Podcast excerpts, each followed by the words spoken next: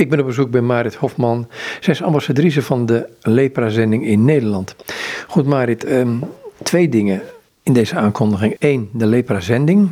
Wat is dat? En twee, het ambassadrice zijn. Maar ik wil met het eerste beginnen. Ik denk dat het het handigste is. Want als we eenmaal bij die ambassadrice aankomen, dan zal het verhaal een andere wending krijgen, ben ik bang. Valt wel mee hoor, want die twee hebben echt wel met elkaar te maken. Uh, de Lepra Zending is een organisatie in Nederland, uh, deel van een grotere wereldwijde organisatie, die zich bezighoudt met het bestrijden van lepra. Is er nog lepra? ja, zeker, anders bestonden ze niet meer. Helaas wel, vandaar ook het bestrijden tegen. Aantallen weet ik eerlijk gezegd niet, daar ben ik wat minder van. Ik ben meer van de inhoud en het verhaal erachter.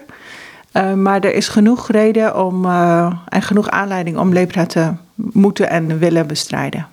Deze week is er een actieweek. Dat klopt. Regelmatig wordt er echt intensiever tijd besteed mhm. aan uh, lepra. Om het wat meer onder de aandacht te brengen. Het is toch wel een ziekte die erg die associatie heeft van lang geleden en bijbels. En bestaat het nog? Dus vandaar inderdaad denk ik ook jouw vraag van bestaat het dan nog? En uh, op zo'n manier met een actieweek en iemand onder de aandacht brengen, dan uh, breng je het weer even aan het voetlicht. Wat wil je met zo'n actie bereiken ook nog een keer? Wat willen jullie met die zending bereiken? Want um, gaat het om medicijnen alleen? Gaat het om meer dan dat? Het is tweeledig, of meerledig misschien zelfs. Uh, met name is de preventie van lepra heel erg belangrijk. En dat is mogelijk, want er is medicijnen voor. En uh, de reden waarom lepra zo moeilijk te bestrijden is, is de onwetend, onwetendheid daaromheen. Dus hiermee geven we aandacht aan het feit dat het nog bestaat. Je geeft aandacht aan het feit dat het behandeld kan worden, kort en snel, als je er tenminste op tijd bij bent. En een langdurige consequentie of eh, bestrijding is tegen de stigma eromheen en de langdurige gevolgen van lepra als je het niet op tijd ontdekt. Maar het stigma, is dat ook een soort taboe waardoor mensen er niet mee voor de dag durven te komen? Ja, en dat is eerlijk gezegd nog het allergrootste probleem. Want als je lepra tijdig uh, signaleert, dan heb je ook niet meer die stigmatiserende lichamelijke uiterlijke kenmerken waardoor mensen juist weer verstoten worden. Dus uh, als je het stigma weg kunt halen, dan kan je de behandeling ook weer sneller inzetten. Dus het is, het is een beetje kip-ei. Aan twee, aan twee kanten zijn we bezig. Vind ik altijd een hele moeilijke, dat kip-ei-verhaal. dat is ook zo. Waar begin je en waar eindig je? Nou, soms moet je gewoon bij alle twee beginnen. En maar niet de discussie voeren over wat het belangrijkste is. En je bent ambassadrice van de Lepra-zending. Wat houdt het in? Dat houdt in wat ik nu doe. Een gesprek met jou aangaan en er meer over vertellen op mijn manier aandacht eraan geven en aandacht eraan besteden. En wat is jouw manier? Vooral mijn persoonlijk verhaal vertellen. Mhm. Want ik ben, uh, ja, ik ben inmiddels 50, maar um, toen ik 13 was, toen heb ik zelf lepra gekregen. En dat maakt dat mijn betrokkenheid gewoon heel erg persoonlijk is. En uh, dat ik ook echt iets wil met dat verhaal. Maar hoe kun je hier, kun je hier in Nederland lepra krijgen dan? Ik heb het niet in Nederland opgelopen. Ik ben een kind van een, eh, een vader die, uh, nou zeg maar, mijn hele leven, niet zijn hele leven, maar zo ongeveer mijn hele leven in de leprazorg heeft gezeten. En ik heb het op die manier opgelopen eigenlijk, als redelijk uitzonderlijk iets. Want het is helemaal niet zo gebruikelijk dat een blank meisje lepra oploopt. En ik weet van nog één ander meisje op de wereld, geloof ik. Maar waarom is het niet, niet gebruikelijk dat een blank meisje lepra oploopt? Omdat uh, lepra in de Europese landen is grotendeels uh, verdwenen. In het verleden was het er wel. En het heeft met. Oeh, dan moet ik best voorzichtig zijn, hè? want mijn aandeel is vooral het persoonlijk verhaal en niet zozeer het medisch verhaal. Uh, maar um, het heeft vooral te maken met waar lepra het meeste voorkomt. En dat is toch ook gewoon wel in warme landen. En het heeft te maken met schoonheid en met hygiëne, met gezond leven en uh, een sterk lichaam hebben.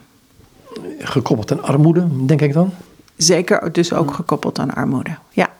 Goed, jouw verhaal, hoe begon dat? Want uh, je, je, leefde, je vader is dokter, neem ik aan, arts? Nee, mijn vader is fysiotherapeut. Mijn vader is fysiotherapeut.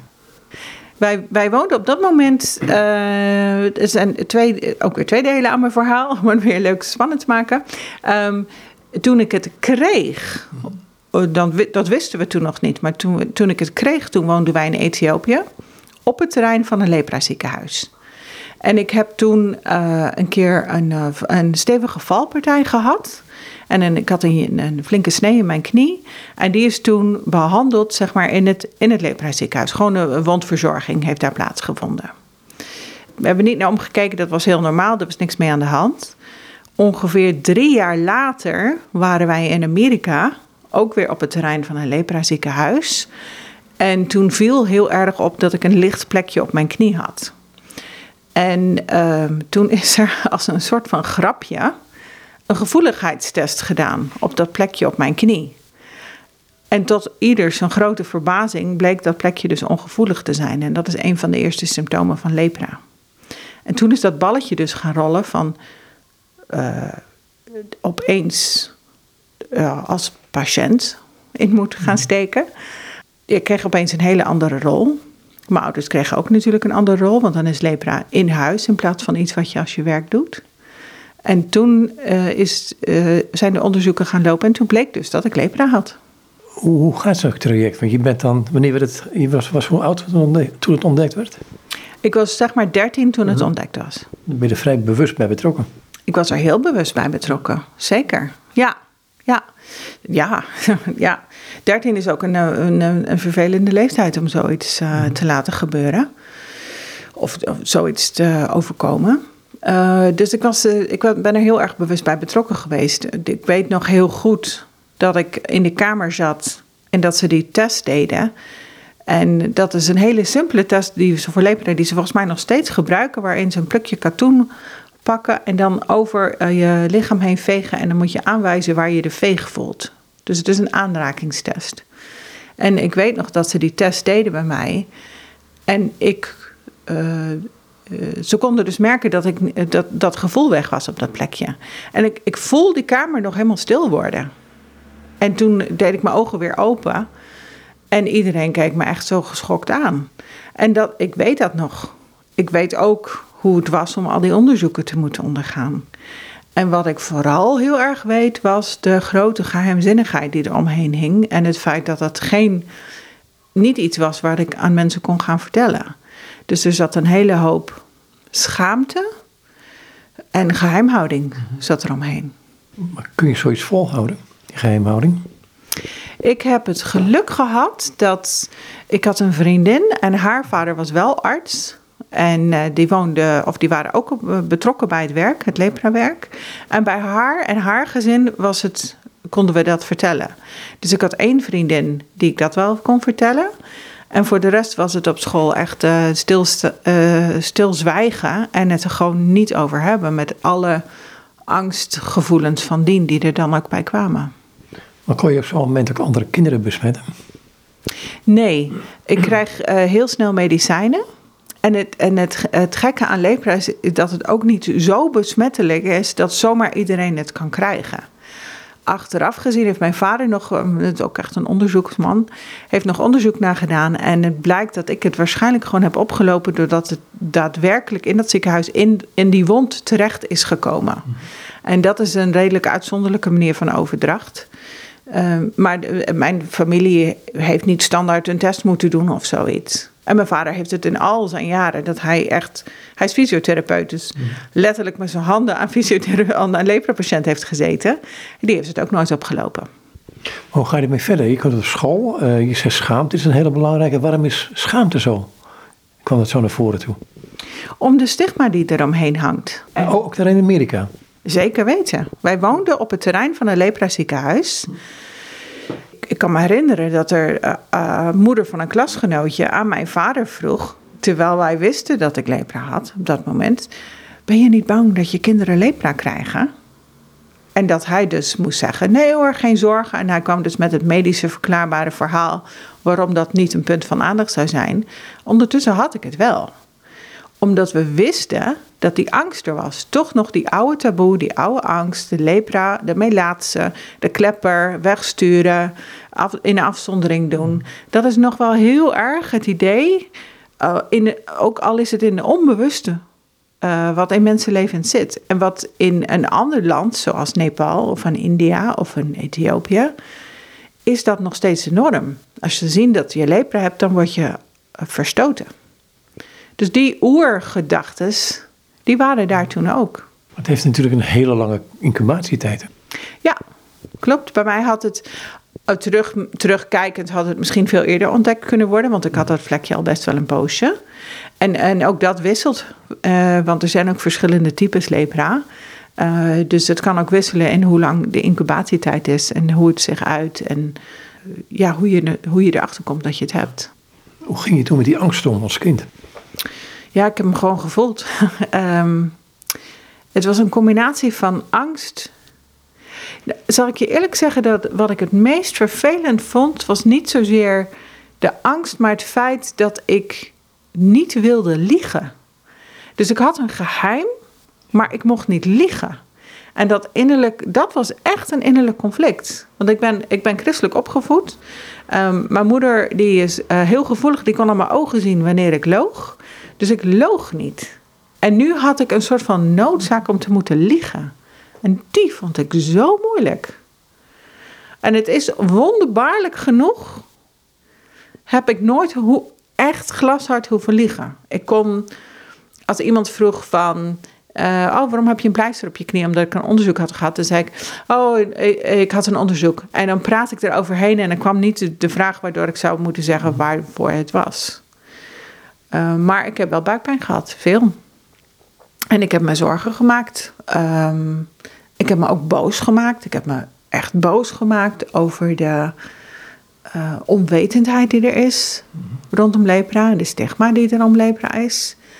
En uh, op mijn manier heb ik daar nog wel weer iets in proberen te doen met mijn 13, 14, 15 jaar. Ja, zoals wat bijvoorbeeld? Ik weet nog dat ik samen met diezelfde vriendin die ik net noemde, hebben wij toen een. Uh, er was iets. Ik was, toen in Amerika. Er was uh, iets wat heette een science fair. Dat je uh, als student een onderzoeksproject kon laten zien. En wij hebben toen een heel onderzoek gedaan rondom lepra om daar wat meer aandacht aan te geven. En toen mochten wij dat niet laten zien, omdat wij eigenlijk te jong waren. Dus we mochten niet nee, meedoen, maar we hadden ons daar wel hard voor gemaakt. Uit te leggen wat lepra is. Zodat we die groep die op die science fair dan rond zou lopen, daar iets meer over zouden kunnen vertellen. Ja. Dus dat was een manier. En de andere manier is nu, zoveel jaar later, en dat, dat gebeurt met verschillende fases in mijn leven, vertel ik mijn verhaal. Um, is, dat, is dat ook een manier om het uh, toegankelijk te maken om lepra een soort van gezicht te geven die herkenning geeft. Uh, kijk, mensen hier in Nederland kunnen zich makkelijker identificeren met mijn verhaal dan met het verhaal van een jongen in Nepal.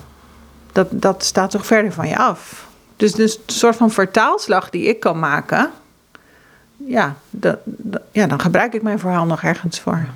Zijn jullie naar Amerika weer teruggegaan naar Afrika? Ja, ja. Toen was ik inmiddels, had ik uh, behandelingen gehad, dus ik was zeg maar uitbehandeld. En toen is er ook eigenlijk een soort van streep onder komen te zitten. Ik geloof dat ik het nooit meer daar zo over heb gehad. Totdat ik weer naar Nederland kwam. En in aanraking met de Lepra-zending en de Lepra-stichting, dat op mij ook gevraagd werd: kunnen we jou interviewen voor je, met jouw verhaal? Dus toen is het weer wat naar boven komen drijven. Maar wat, je zat er in zijn streep onder komen te staan, maar je komt in Afrika weer in een lepra-situatie terecht. Ja, dat klopt. We gingen terug naar hetzelfde adres waar ook dat ziekenhuis mm. was. Ik, ik heb me niet angstig gevoeld of zo.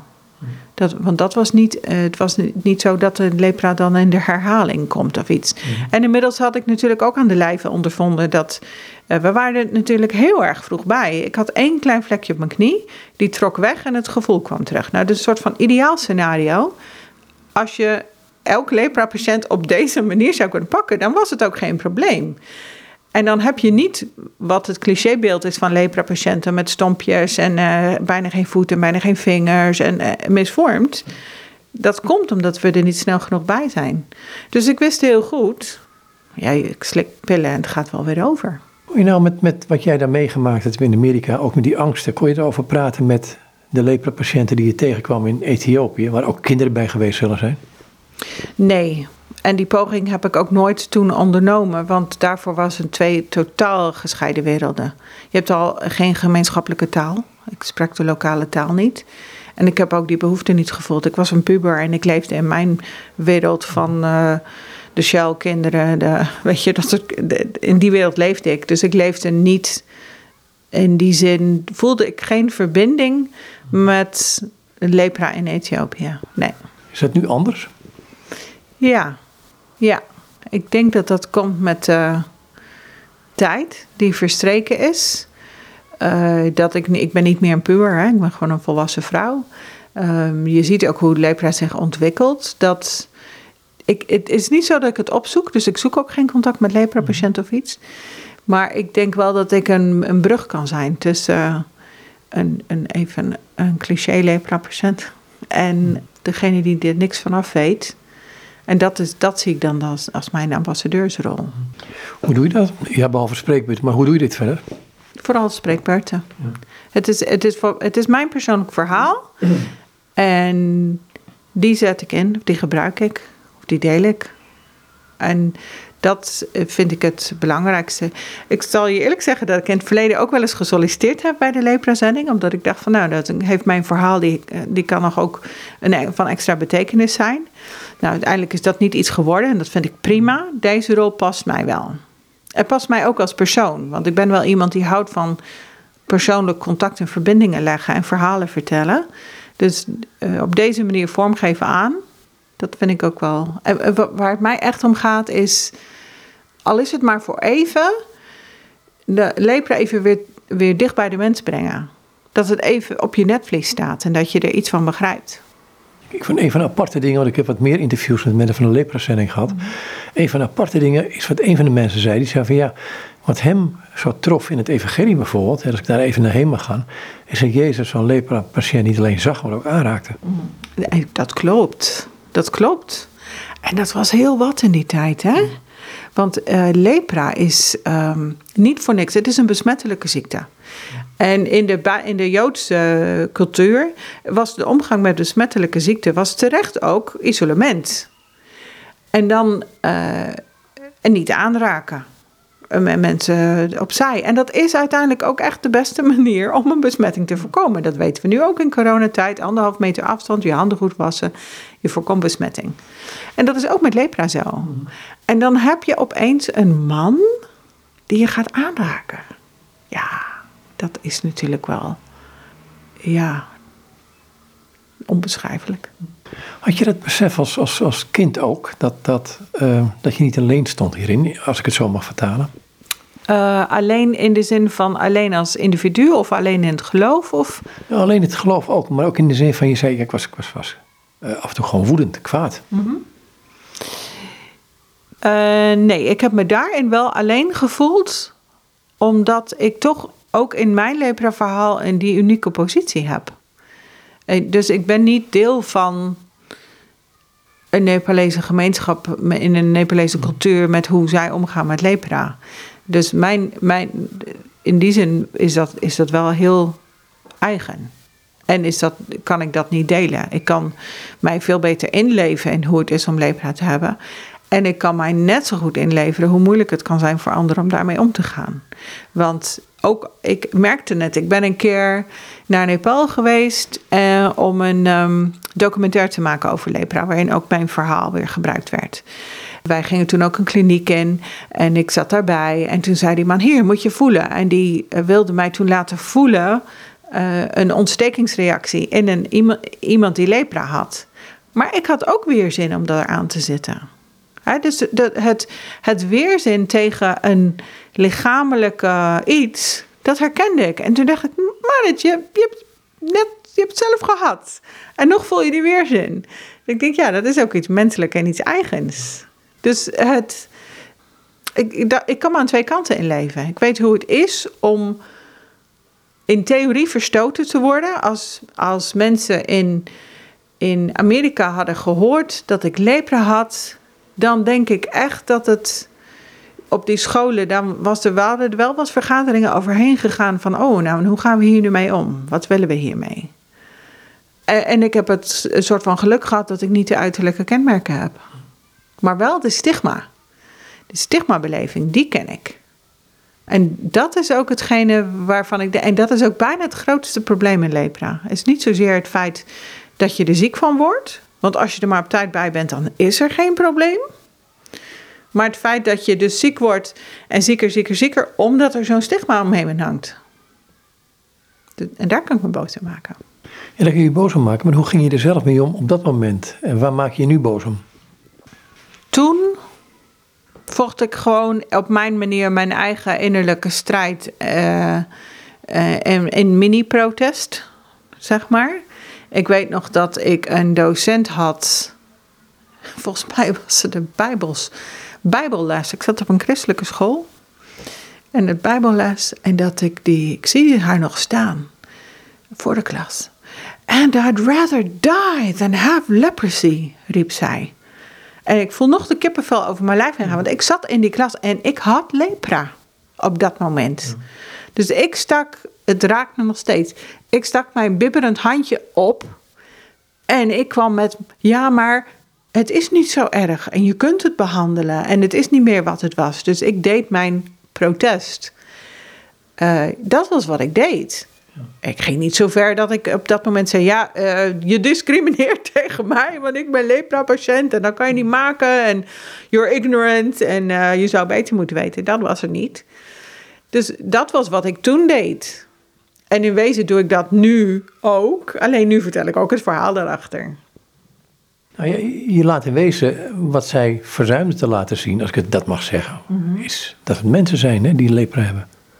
Het gaat, het gaat niet om een ding, maar het gaat om mensen. Uiteraard, precies. Het, ja, ja. En om, om zo'n globaal uh, iets te roepen, alsof mensen geen bestaansrecht hebben, omdat ze een bepaalde ziekte hebben. Ja, dat, maar goed, dat is stigma. Hè? Dat gaat over een heleboel dingen. En een hele, het, is zo'n, het is een thema die altijd actueel blijft. Mm. En, en, en voor lepra-patiënten, nou dan nog een bijzonder of heel specifiek. Dan denk ik, waar zijn wij mensen bang voor? Dat wij nodig hebben om te stigmatiseren. Oh, ja.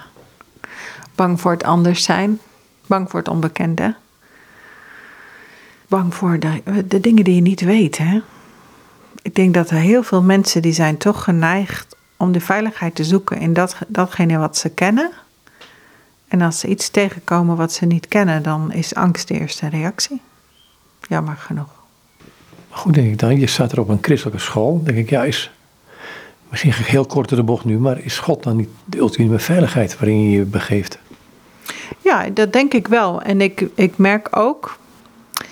Um, ik heb een jaar gehad waarin ik en door de Lepra-zending en door de Lepra-stichting benaderd werd om een soort van ambassadeurswerk te doen. Daar heb ik echt even over nagedacht. Het zijn twee organisaties die heel erg goed werk doen. Maar wat mij raakt, is dat de lepra-zending ook met een zijnsverhaal komt. En niet alleen met een medisch verhaal. En, en toen heb ik echt gedacht van ja, ik, ik wil me meer verbinden aan deze organisatie. Die ook iets doet met dat grote verlangen naar bestaansrecht. En in, het, in een hemelsperspectief of in een goddelijk perspectief. Die de, en dat vind ik wel een meerwaarde niet alleen de meerwaarde. Um, is misschien het grote probleem in onze maatschappij nu met alle toestandjes eromheen. Die zingevingen, waarvan leef ik? En het is bijna een mechanisch wereldbeeld aan het worden als het alleen maar om je gezondheid gaat. Ja, dat klopt. Het is heel, heel eenzijdig als het alleen gaat om gezondheid.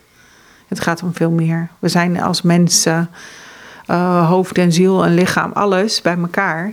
En um, um, een, een wereldbeeld zeg maar dat, dat, dat zijnschap, daar, daar, daar in, de, in, de, in dat hele holistische, daar, dient, daar, daar zoek je je antwoord. Ja. Maar, kun je tegen iemand die uh, lepra heeft, die ja, van de voeten weg zijn, stomper zijn geworden, kun je nog zeggen dat hij een zin van leven heeft? Nou, ik denk dat het bewijs zit in dat er een heleboel mensen zijn die dus ook ervaren dat je een zinvol leven hebt. Want je, ik zou hetzelfde de bal kunnen terugkaatsen en zeggen: dus als iemand in Nederland een dwarslezen heeft, heeft hij dan geen zinvol leven meer?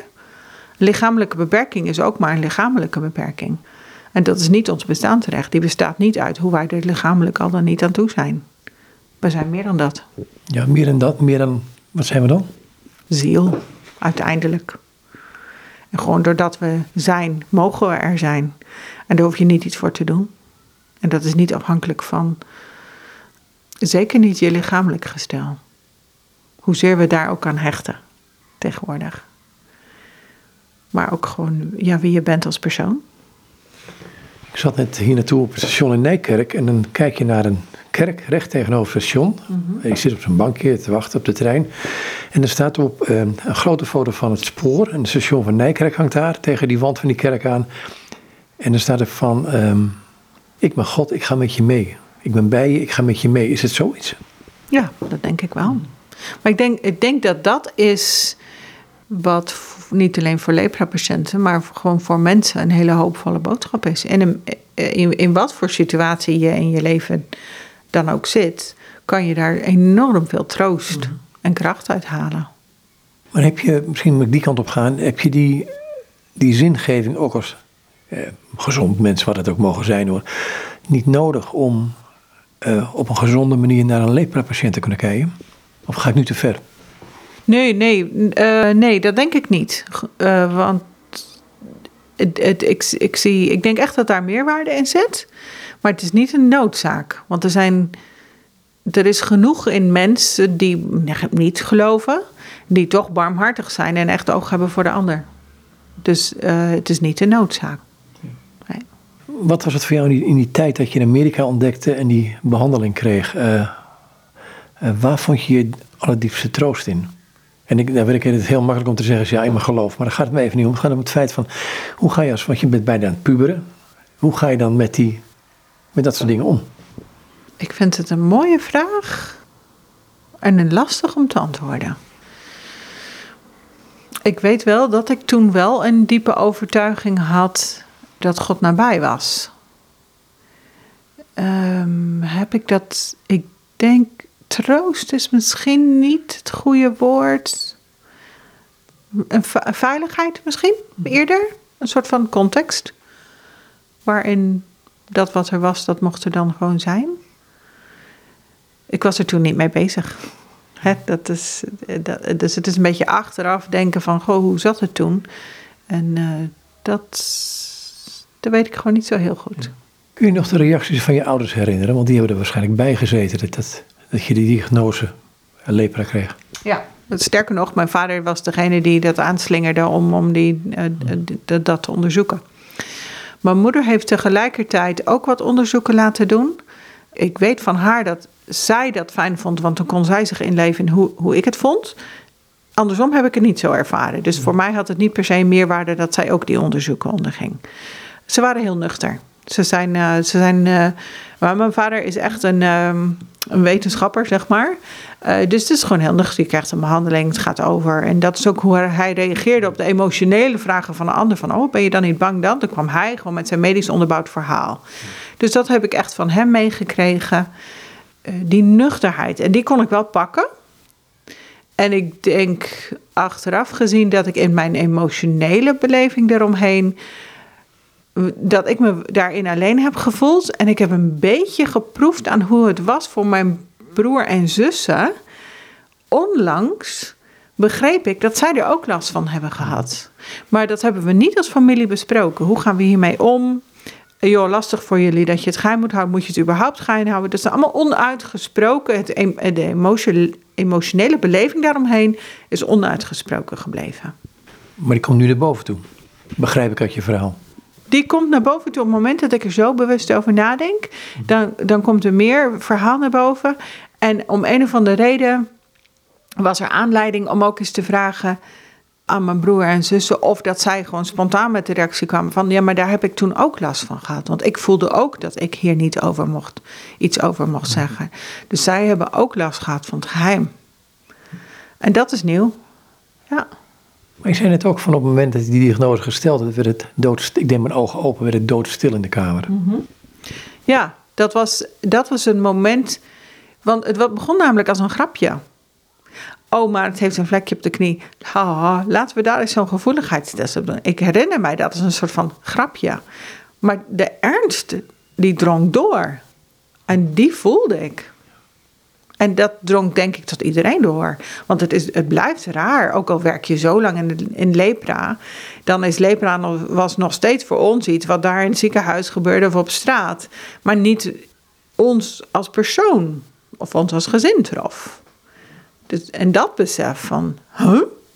Kan dat? Hier? Nu? Is dat zo? Dat, dat drong door.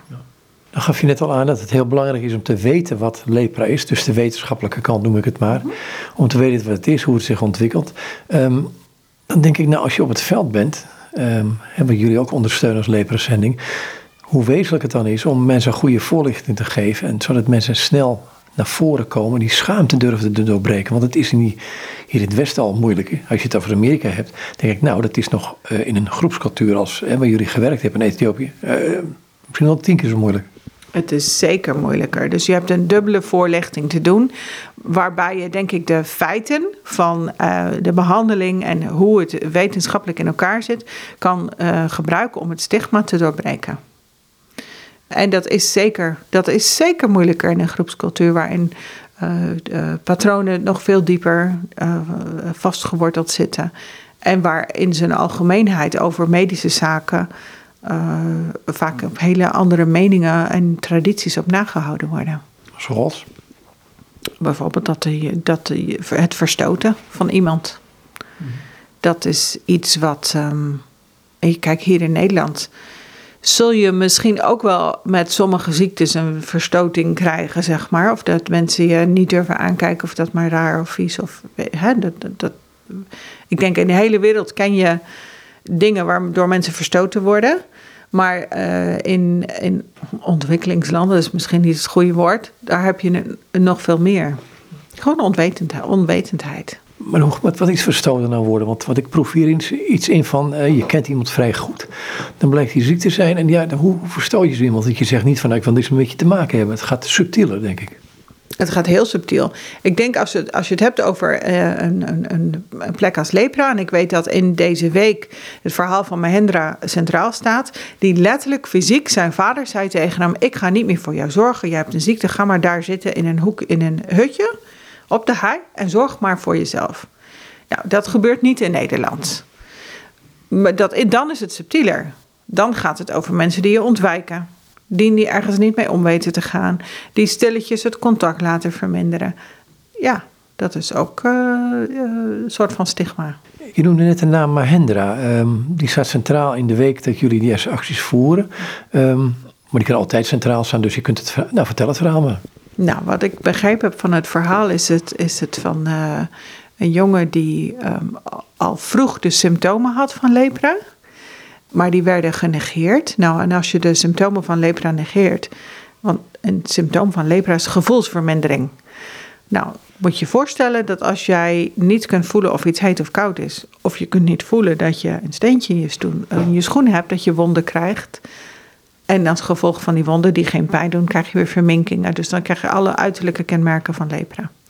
Nou, dat was uh, bij hem ook het geval. Hij heeft uiteindelijk uh, volgens mij de diagnose lepra gekregen. Moest, werd ook echt letterlijk het huis uitgezet. En op een later moment door, zijn moeder bij de lepraziekenhuis gebracht. Maar eh, toen moest er ook wel weer een been af en toen had hij ook wel echt verminkingen. Maar hij heeft wel opnieuw leren leven. Zijn lepra was binnen twee dagen niet meer besmettelijk. Hij krijgt medicijnen en binnen twee of drie dagen ben je niet meer besmettelijk. En daarna stopt het ook. Alleen de gevolgen, die heb je dan nog. Daar heeft hij mee leren leven, maar hij heeft wel een nieuw leven op kunnen bouwen. En dat geldt voor heel veel lepra-patiënten. Het, het zou alleen zo fijn zijn als dat niet zou moeten hoeven. Want nu ben je nog heel veel nazorg aan het leveren als gevolg van de stigma en de onwetendheid. En als je daar, dat voor kunt zijn, dan hoef je ook geen nazorg te leveren. Maar goed, dan denk ik zo'n jongen, stel dat zo'n jongen wordt, wordt besluit om kapper te worden. Want ik, er is één zo'n verhaal waar iemand kapper is geworden. Mm -hmm. Zal de omgeving van zo'n dorp of zo'n wijk dan bij zo'n man komen om zich te laten knippen als ze weten dat hij lepra heeft gehad? Ik denk dat dat nog altijd een hele grote rol speelt. En dat blijft dus ook onderdeel van een voorlichting. Van hij is niet meer besmettelijk. Uh, je kunt met hem trouwen. Hij mag opgenomen wonen in de gemeenschap. En dat is uh, work in progress. Dat is ook gewoon deel van het, eigenlijk het grote behandelplan. Je hebt het lichamelijke behandelplan. Maar dan ook nog dit soort gedachtegoed waar je de, de voorlichting en waar je uh, ook tijd in stopt. Nou, of de laatste tijd heeft, uh, ik dacht, COVID vrij veel aandacht gekregen, krijgt het nog steeds. Gaat het ten koste van lepra? Volgens mij worden er best wel veel raakvlakken gezocht en gevonden. Omdat je met. eh, ja, er zijn ook wel raakvlakken. De gevolgen van COVID die zijn. eh, als je echt ziek wordt, is dat van een andere orde dan met lepra. Je hebt ook wel te maken met eh, lichamelijke afstand, met gezondheid. Dus er zijn raakvlakken. En ik meen, maar dat weet ik niet 100% zeker, dat het niet per se nadelig is geweest. In de zin van ehm, dat doordat er zoveel aandacht naartoe is, dat er zoveel minder is gegaan naar lepra. Je had het eerder in het gesprek over dat mensen gevoelens worden en dat, het, ehm, dat de kunst van eh, ook die medicijnen is weer, dat je op een gegeven moment, hè, dat gebeurde jou ook, dat je weer gevoel krijgt. Ehm, dan ga ik een hele ondeugende doen. Ehm, zijn we hier in het Westen vaak ook in ons denken te gevo- ongevoelig voor dingen als lepra, omdat we het gewoon niet weten misschien, maar ook omdat dat het zo ver weg is en zo. Ja, ja. We hebben ook last van de onwetendheid hier in Nederland over sommige dingen. Over lepra en de gevolgen van lepra. Dat onwetendheid is, eh, is gewoon echt wel een groot ding. Onwetendheid ligt op een ander niveau dan misschien in een land als, als, eh, als Nepal. Maar daar hebben wij ook last van. Ehm, een van de dingen waar ik nu mee aan het stoeien ben als rol, als in mijn ambassadrice rol, is dat ik ook zit te zoeken naar wat zijn nog meer manieren waarop we lepra dichterbij. Relatable is zo'n mooi Engels woord ervoor. Hè? Hoe, hoe maak je het relatable? Dus ik ben aan het nadenken over het opzetten van een workshop waarin we het gewoon over gevoel gaan hebben. En dat is eh, gevoel, want gevoel heeft twee betekenissen. Ik heb echt te zoeken of daar nog andere betekenissen voor zijn. Maar je hebt ge- gevoel, je zintuigelijke gevoel. En je hebt je, gevoel, je emotie, wat we ook gevoel noemen. Wat ik heel mooi zou vinden, is om met die twee onderwerpen met mensen in gesprek te gaan en ook gewoon dingen gaan doen. En mensen ook te laten voelen hoe het is om niet goed te kunnen voelen. En dan bedoel ik zintuigelijk voelen. Dus hoe is het letterlijk voor je als jij met handschoenen op eh, moet gaan naaien? Ik noem maar wat. Of een kraaltje oppakken. Of dat hete kopje. Voel je dan wel dat die heet is of niet heet is? Eh, dus dat stukje zin, zintuigen. En dan de link te leggen van. Maar dit is dus wat het is voor een lepra-patiënt. En aan de andere, kant ook over onze gevoelens en ons, over onze emoties. Die kunnen we vaak ook bij wijze van spreken handschoenen omdoen. Waardoor we de dingen niet meer zo voelen zoals we ze zouden moeten voelen. En ook van binnen weer butsen en kwetsures oplopen. En beschadigingen van binnen. En dat het een soort van een beetje bijna een parallel is tussen voelen van buiten, je zintuigen goed inzetten. Dat is voor jouw gezondheid. Maar je gevoel goed voelen, je emoties goed doorvoelen, dat is belangrijk voor je innerlijke gezondheid. En dan zo overlopen naar hoe is dat voor een lepra-patiënt die niet kan voelen. Of die misschien ook met zijn emoties ook die beschadigingen oploopt. Dus ik, daar, daar zoek ik weer een manier in, zodat het weer dichter bij de mensen komt. En dat je er als uh, nuchtere Nederlander misschien denkt: ja, dit gaat mij meer aan dan dat ik zou denken. Het is niet een zielig verhaal op afstand. Oh, dit raakt ook mij. Of iets in mij. Nou, zo zoek ik naar manieren om uh, vorm te geven aan het ambassadeur zijn. Nog, nog iets over jou. jou. Je hebt de eerste, wat ik begreep uit het voorgesprek, de eerste 18 jaar heb je af en aan in, eigenlijk in Afrika gewoond, merendeel van je tijd. Mm -hmm. um, wat heb je daarvan meegekregen hier naartoe? Want zit ik nou met een Nederlandse te spreken of iemand die eigenlijk Ethiopisch is, waar ik nog meer gewoond, een Amerikaanse is of weet ik wel wat? Ja, ik, ik ben wat, wat, je noemt een, een third culture kid. Uh, want ik ben geboren in Noorwegen en ik ben opgegroeid in Ethiopië, Oeganda, Kenia en Amerika. En uh, ik voel me inmiddels echt Nederlandse, maar dat heeft heel lang geduurd. Omdat ik die eerste 18 jaar op, zeg maar, nou, pak een beetje drie jaar, uh, heb, niet, waarvan ik wel in Nederland, dus ik heb drie jaar wel in Nederland gewoond, en 15 jaar niet. Mm. En dat heeft mij absoluut gevormd. Ik ben een, een, een beetje een international. Third culture kid is een begrip.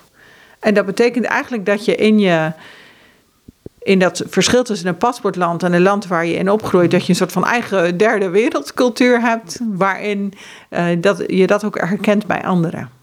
En dat is iets wat, uh, wat je herkent als je, als je zo bent opgegroeid, zeg maar. Dus ik ben Nederlandse, absoluut. Ik merk ook dat ik me steeds minder identificeer met een Amerikaan, terwijl ik wel op veel Amerikaanse scholen heb gezeten en Amerikaans onderwijs heb gevormd.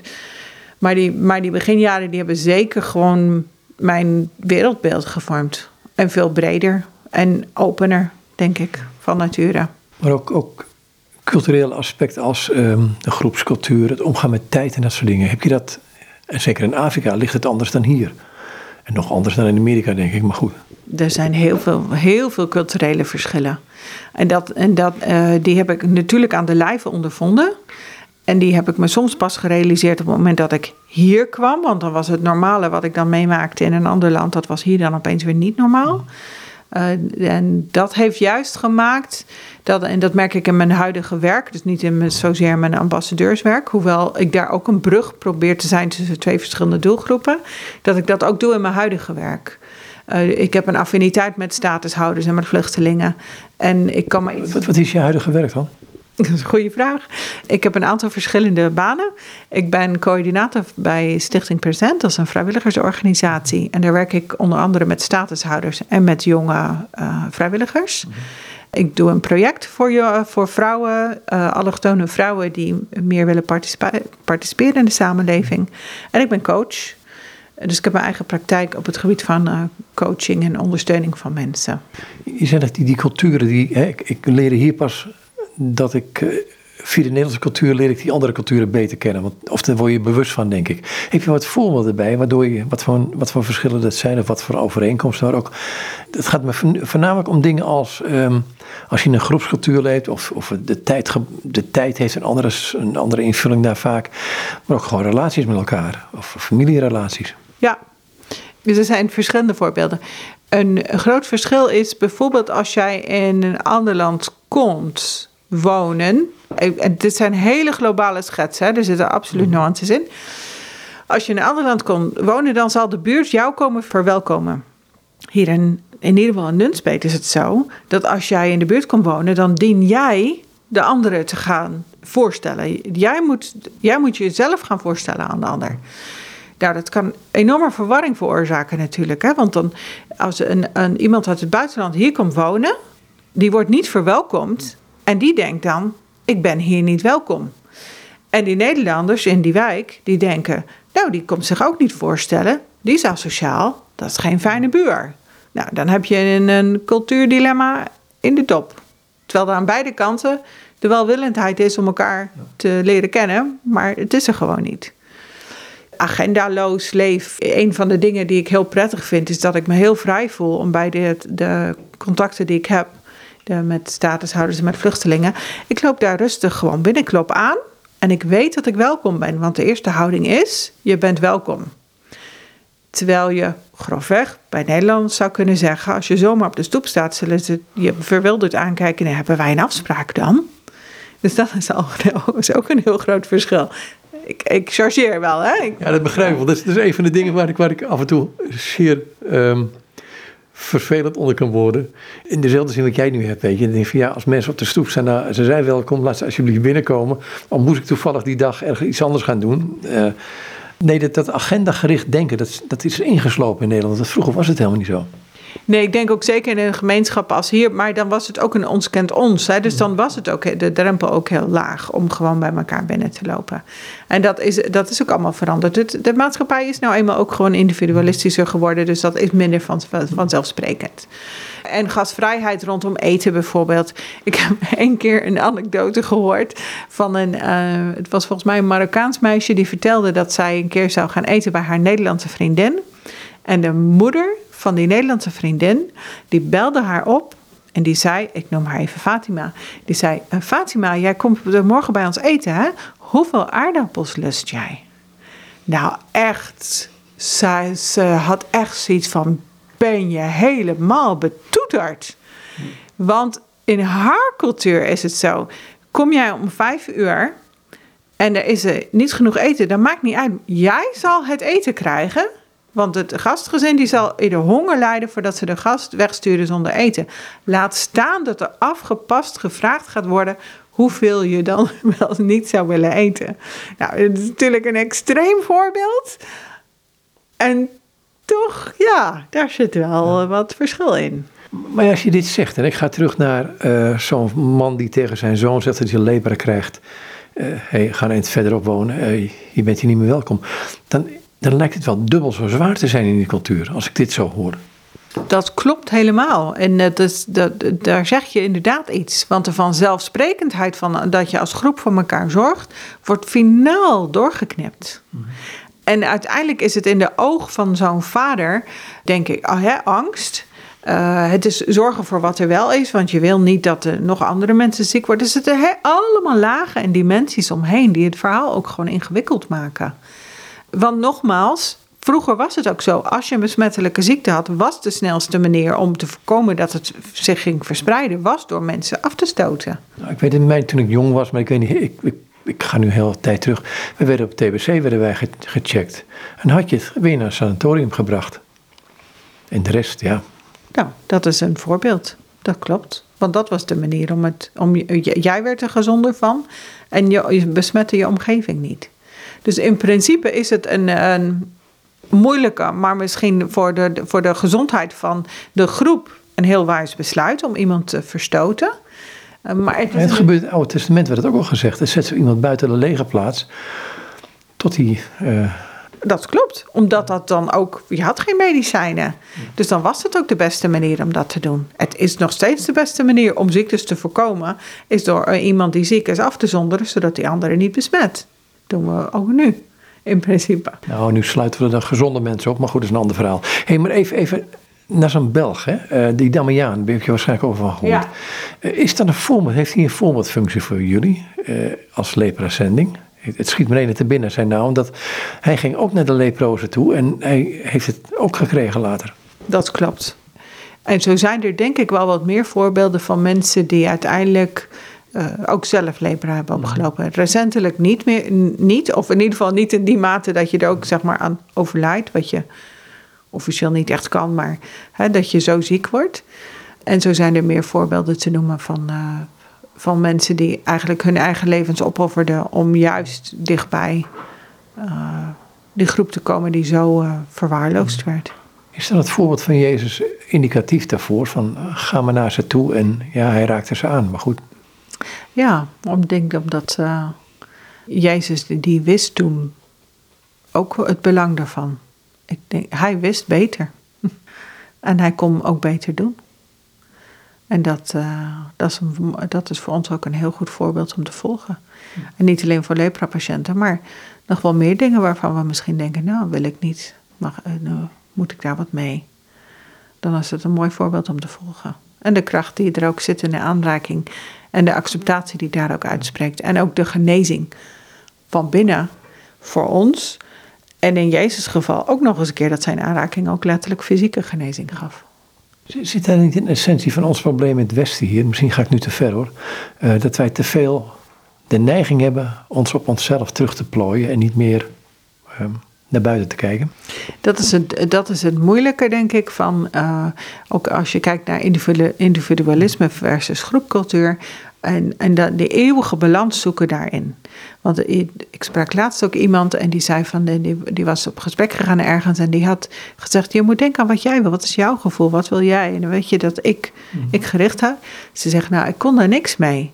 Want zij is opgevoed met het idee van, je moet zorgen voor de ander. Maar tot hoever? En in dat geval ging het ten koste van haar.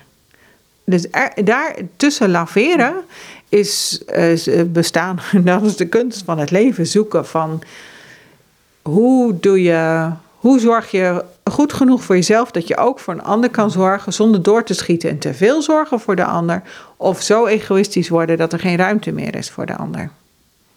En daar zoeken wij met z'n allen in, denk ik. Die balans. Wat is daarin een sleutelwoord?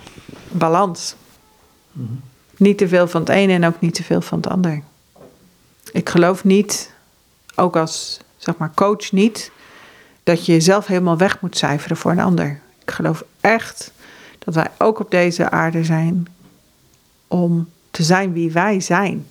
Dat we mogen zoeken naar wat maakt, wat maakt mij mij? Wat zijn mijn krachten? Wat zijn mijn kwaliteiten? En hoe kan ik mij, hoe kan ik mij het beste inzetten voor die ander? Dus niet over alle grenzen heen gaan, dingen doen die niet goed doen, maar wat past er bij mij? Daar geloof ik in. Dat is een Jezus zo'n raadselachtige tekst als wie zijn leven zal verliezen, zal het vinden. Die vind ik ook echt raadselachtig. En wat dat betreft zijn er meer gedachtegoeden en, en, en teksten in de Bijbel waar ik mijn hoofd nog niet, uh, uh, hoe noem je dat, omheen kan vouwen, of hoe je dat ook zegt. Die, ik, die ik nog niet zo goed snap. Goed, een indicatie kan zijn dat teruggeplooid zijn op jezelf. Je te veel op jezelf gericht zijn natuurlijk, in plaats van... Ja, dat is de keerzijde. Want dan, dan, dan worden we een wereld die alleen maar heel egoïstisch is en die nooit meer oog heeft voor de ander. En dat is ook niet goed. Daar word je zelf uiteindelijk ook, geloof ik, echt niet gelukkiger van. Nee, dan zit je achter een schermpje en kun je geen mensen meer aanraken. Nee. En daar krijgen we allemaal last van. Want uiteindelijk zijn we allemaal mensen en hebben behoefte aan die aanraking en die verbinding en dat contact. En die verbinding met de buitenwereld en ook die verbinding in jezelf. Weten wie je bent. Terug naar de lepra-zending. Ehm, kun je gewoon iemand noemen die jou, voor jou een voorbeeld is geweest? Uh, Dr. Paul Brand is wel een van de. Uh, die is betrokken geweest bij de Leprosy Mission, waar ook de leprazending inderdaad onderdeel van mm -hmm. is. En hij is. Uh, ja, wat is een goed woord voor hem? Jarenlang echt een boegbeeld geweest voor mm -hmm. lepra-patiënten. Een enorm, enorm betrokken man. Die um, heel veel heeft gedaan, hij en zijn vrouw allebei, op het gebied van de herstel en revalidatie van lepra-patiënten. En ik heb het voorrecht gehad dat ik hem heb gekend. Ja, ja. En hij is ook de, de held van mijn vader, zeg maar. En we, toen wij in um, Amerika woonden, toen hebben zij ook een poosje op hetzelfde terrein gewoond als waar wij woonden. Dus ik heb hem ook gewoon leren kennen als man. Hele bijzondere man. Enorm intelligent, bevlogen, zo intens bescheiden, wijs heeft zoveel betekend voor de lepra-wereld. Noem eens één ding. Hij is opgegroeid als kind van uh, zendelingen in India. Is uiteindelijk uh, teruggegaan naar Engeland en heeft zich, uh, is arts geworden. En heeft al zijn, als je het hebt over talenten en vaardigheden, kennis, alles ingezet om het leven van lepra-patiënten te verbeteren. En innovatief nieuwe chirurgische technieken ontwikkeld. Op het voorfront van onderzoek over lepra. Daar heeft hij gelopen. Ondertussen um, een hele uh, bevlogen man, uh, uh, ook een spreker. Ja, als een, een voorbeeld voor heel veel mensen. Maar ook voor jou. Ja, ja, ik denk dat het, de rijkdom er ook in zit. Is dat het niet, hij was niet een anonieme man, maar we hebben hem ook gewoon leren kennen als de man die bij ons uh, aan tafel zat. Ja. Nogmaals, deze week hebben jullie een actieweek. Waar gaat het precies over? Deze actieweek gaat vooral omdat we lepra geschiedenis maken. Dus dat het iets is wat ooit was, maar niet meer van deze tijd. En dat uh, kan je doen door uh, op verschillende manieren een bijdrage te leveren. Geldt natuurlijk altijd, hè? Mm. Geldt voor medicijnen, geldt voor voorlichting. Uh, maar ook gewoon het verhaal delen. De meer, je er meer in verdiepen, het je eigen maken. En kijken ook op welke manier jij een bijdrage kan leveren hieraan. De Leprazending heeft een website, neem ik aan. Ja, dat is uh, www.leprazending.nl. En wat vind ik daarop? Van alles over de organisatie van de Leprazending, verschillende acties die er mogelijk zijn uh, informatie die je kunt uh, krijgen. En uh, ik meen ook een webwinkel met een aantal producten die we verkopen om ook weer geld te krijgen mm. voor de. Maar er staan volgens mij ook een aantal verhalen van mensen die lepra hebben gehad en daar nu mee, of die nu weer functioneren, laat ik het zo zeggen, in hun maatschappij. Dat klopt. Het is inderdaad ook een, een website met verhalen van, uh, van mensen die, uh, bijvoorbeeld het verhaal van Mahendra, die staat erop. En, maar er staan verschillende noem het even, succesverhalen op van mensen die behandeld zijn en een, hun, hun nieuw leven uh, ontwikkeld hebben. Ja. ja. Wat is het mensbeeld dat jullie hebben? En volgens mij is het mensbeeld dat ieder mens, hoe dan ook, het waard is om aangeraakt te worden gezien te worden en genezen te worden. Ja, En dat is veiligheid. dat is uiteindelijk wel veiligheid, ja. Tenminste, ik proef uit jouw verhaal dat het zo met jou gebeurd is. Ja, ja.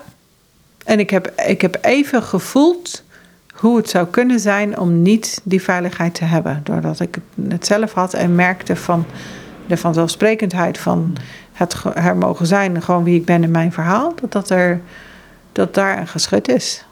Ja, Goed, wel hier wel later, dankjewel. graag gedaan. En is er Marit Hofman en met haar was ik in gesprek over de lepra-zending. Ze hebben een website www.leprazending.nl